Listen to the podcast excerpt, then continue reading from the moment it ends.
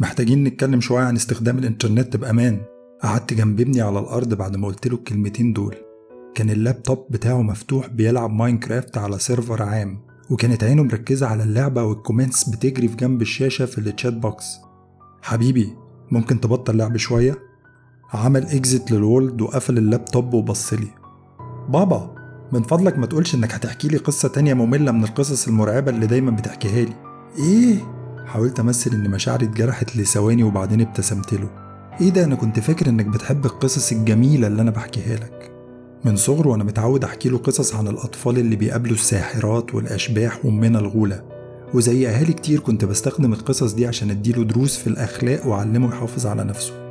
لما الأب بيبقى بيربي ابنه لوحده والأم مش موجودة زي حالتي ساعتها لازم يستخدم كل أدوات التربية اللي متاحة قدامه. ابني قلب وشه وقال لي القصص دي كانت جميلة لما كان عمري ست سنين. دلوقتي خلاص أنا كبرت وما بقتش تخوفني. بقت سخيفة ومملة. فلو كنت هتحكي لي قصة عن الإنترنت ممكن تخليها مخيفة جدا جدا جدا. Please ضيقت عينيا وأنا ببص له بشك. ربع إيده على صدره وبص لي بتحدي وقال لي أنا عندي عشر سنين وعارف إن القصص دي خيالية ما تقلقش. Okay هحاول. وابتديت. كان يا مكان كان في ولد اسمه نادر. طبعا بعد المقدمة المرعبة دي ببص على وش ابني لقيت ملاه الملل وحسيت إنه قرر يستسلم لمصيره ويسيبني أكمل القصة السخيفة اللي هو متوقعها. وكملت. نادر كان بيدخل أونلاين وبيشترك في websites كتير مخصصة للأطفال. وبعد فترة ابتدى يكلم ولد تاني عمره عشر سنين. كانوا بيلعبوا نفس اللعبة أونلاين. كان اسمه فرفور 23 كانوا بيحبوا نفس الألعاب ونفس أفلام ال animation. وكانوا بيفطسوا من الضحك على نكت بعض. كانوا بيجربوا أي video game جديدة مع بعض.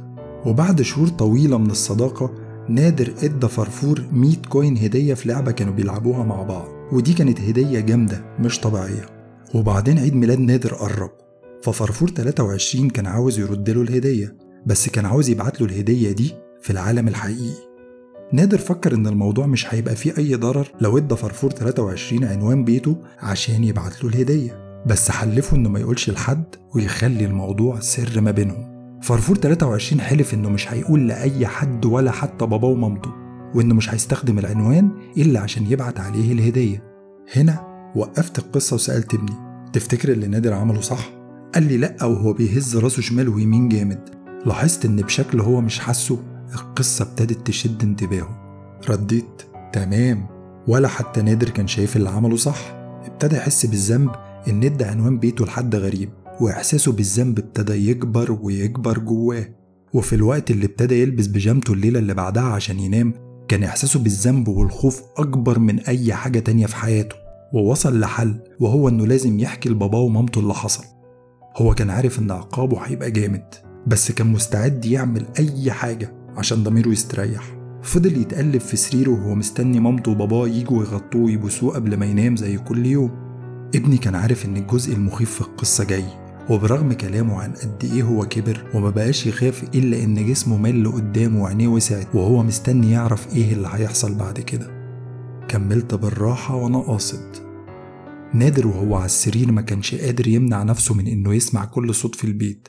صوت غسالة الهدوم وهي بتتنطط في الحمام. صوت فروع الشجر وهي بتحك في الشباك. صوت أخوه البيبي وهو بيلغي نفسه في أوضته. كان في برضه أصوات تانية غريبة ما قدرش يحدد هي إيه بالظبط. وأخيرا سمع صوت صدى خطوات باباه في الطرقة. نادى بصوت مليان قلق. بابا في حاجة لازم أقولها لك. باباه فتح الباب فتحة صغيرة ودخل راسه منها بزاوية غريبة.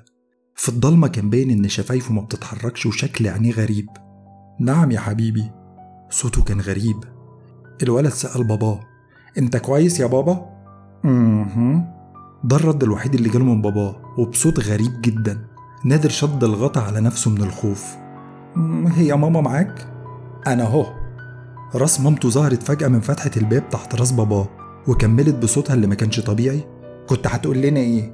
إنك اديت عنوان بيتنا لفرفور 23 المفروض ما كنتش تعمل كده. قلنا لك دايما ما تشاركش معلومات على نفسك مع أي حد تقابله على الإنترنت. وبعدين كملت. ما كانش طفل. كان بيضحك عليك وعارف عمل إيه؟ جه بيتنا وكسر الباب وقتلنا إحنا الاتنين وكل ده عشان يقضي شوية وقت معاك. مبسوط دلوقت؟ الباب اتفتح وظهر راجل ضخم واقف سادد الباب وماسك في إيديه الاتنين راس باباه ومامته. نادر ما بقاش قادر يتكلم ولا يتنفس من كتر الرعب. الراجل رمى الراسين على الأرض وطلع سكينته عشان يدخل يشتغل على الواد. ابني صرخ ورفع إيده قدام وشه عشان يحمي نفسه من خطر مش موجود. بس القصة كانت لسه بتبتدي. بعد ساعات طويلة كان الولد خلاص قرب يموت وصرخاته اتحولت لأنين واطي.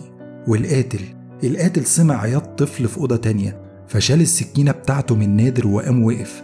بالنسبة له الموضوع حلو هو عمره ما قتل طفل قبل كده في حياته. الفكرة مالته بالإثارة. فرفور 23 ساب نادر يموت وزي جهاز التتبع بالظبط. حدد مصدر صوت الطفل لغاية ما وصل لأوضته.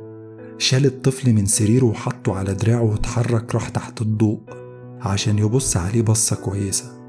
فرفور 23 أول ما شال الطفل الطفل بطل عياط وضحك له.